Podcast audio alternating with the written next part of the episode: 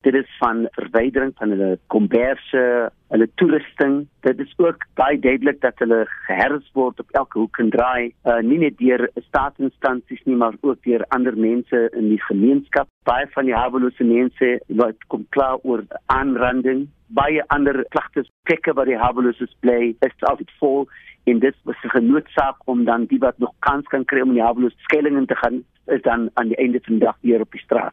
Wat was julle eerste reaksie toe julle hoor dat haweloses nou beboet gaan word vir verskeie oortredings? Ons het die stad Kaapstad gewaarsku nog voor hulle begin in die boetes ons hoor hulle begin boetes uitskryf vir hawelose mense. Het ons hulle gesê luister dit is nie reg wat julle doen nie. Op watter grond doen julle dit? En hulle toe vir ons gesê hulle doen dit op 'n bylaw gaan oor geraas en besoedeling ons het hulle gevra wat is die doel daarvan? Want julle maak nou dat mense die geld om die boetes te betaal nie. Nou maak jy dat hulle dan voor 'n hof kom en hof op betekens as dit miskien sodat hulle dan weer tronk toe gestuur word en dan ons tronke sal weer vol. Wat is hulle eintlik doel met hierdie boetes? Hulle het gesê dis 'n afskrikmiddel maar dit dit het soveel probleme veroorsaak. En ons het ook dan gesê dat as die menseregte kommissie dat ons sal daardie bylaw sal ons toets teen die grondwet en ek uitvind wat die grondwetlikheid van hierdie bylaw.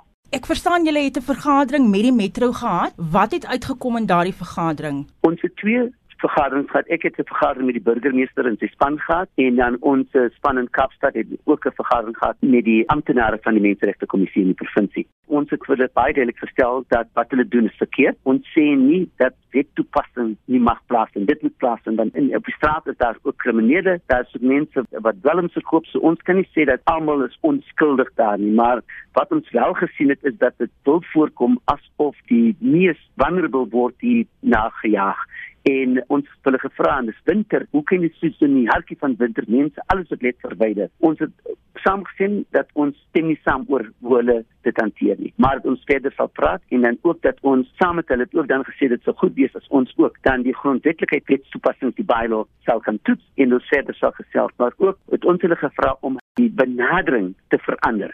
Die benadering te verander sodat ons mense nie voel daar word op hulle jag gemaak en uh, en daar is nou weer uitstaande vergadering tussen my en die burgemeester en ons het 'n program in plek gesit tussen die stadsamptenare en ons amptenare om te kyk na die toepassing van hierdie wet, die grondwetlikheid daarvan en in ook om gereelde grondslag te gesels. Julle gaan die hof nader.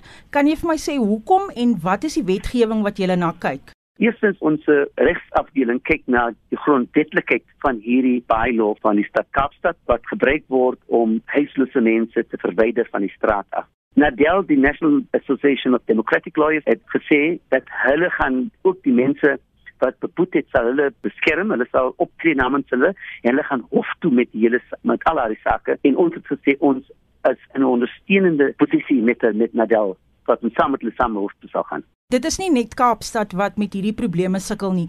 Kry julle klagtes van elders in die land? Dit gaan nie net om die stad Kaapstad nie. Dit gaan in alle plekke waar mense wat op harde tyd geval het, ekonomiese druk gevoel het en daarom vra ons na in ons moet kyk na nasionale beleid, ons moet kyk na nasionale program en nasionale strategie hoe ons die die haweloses een hulle waardigheid kan erken en respekteer. Twee, dat daar programme is om haweloses deur te vat en dit kan wees dat daar selfs die reintegrasie moet wees met hulle families skien ook ander programme om die waardigheid terug te bring, werk te skep en dis meer nas baie suksesvolle stories ook rondom dit. En natuurlik ook om meer nagskuilings te bou vir ons mense want daar is 'n groot behoefte in die stad Kaapstad. Dit is die laaste nagskuiling gebou in 15 jaar gelede.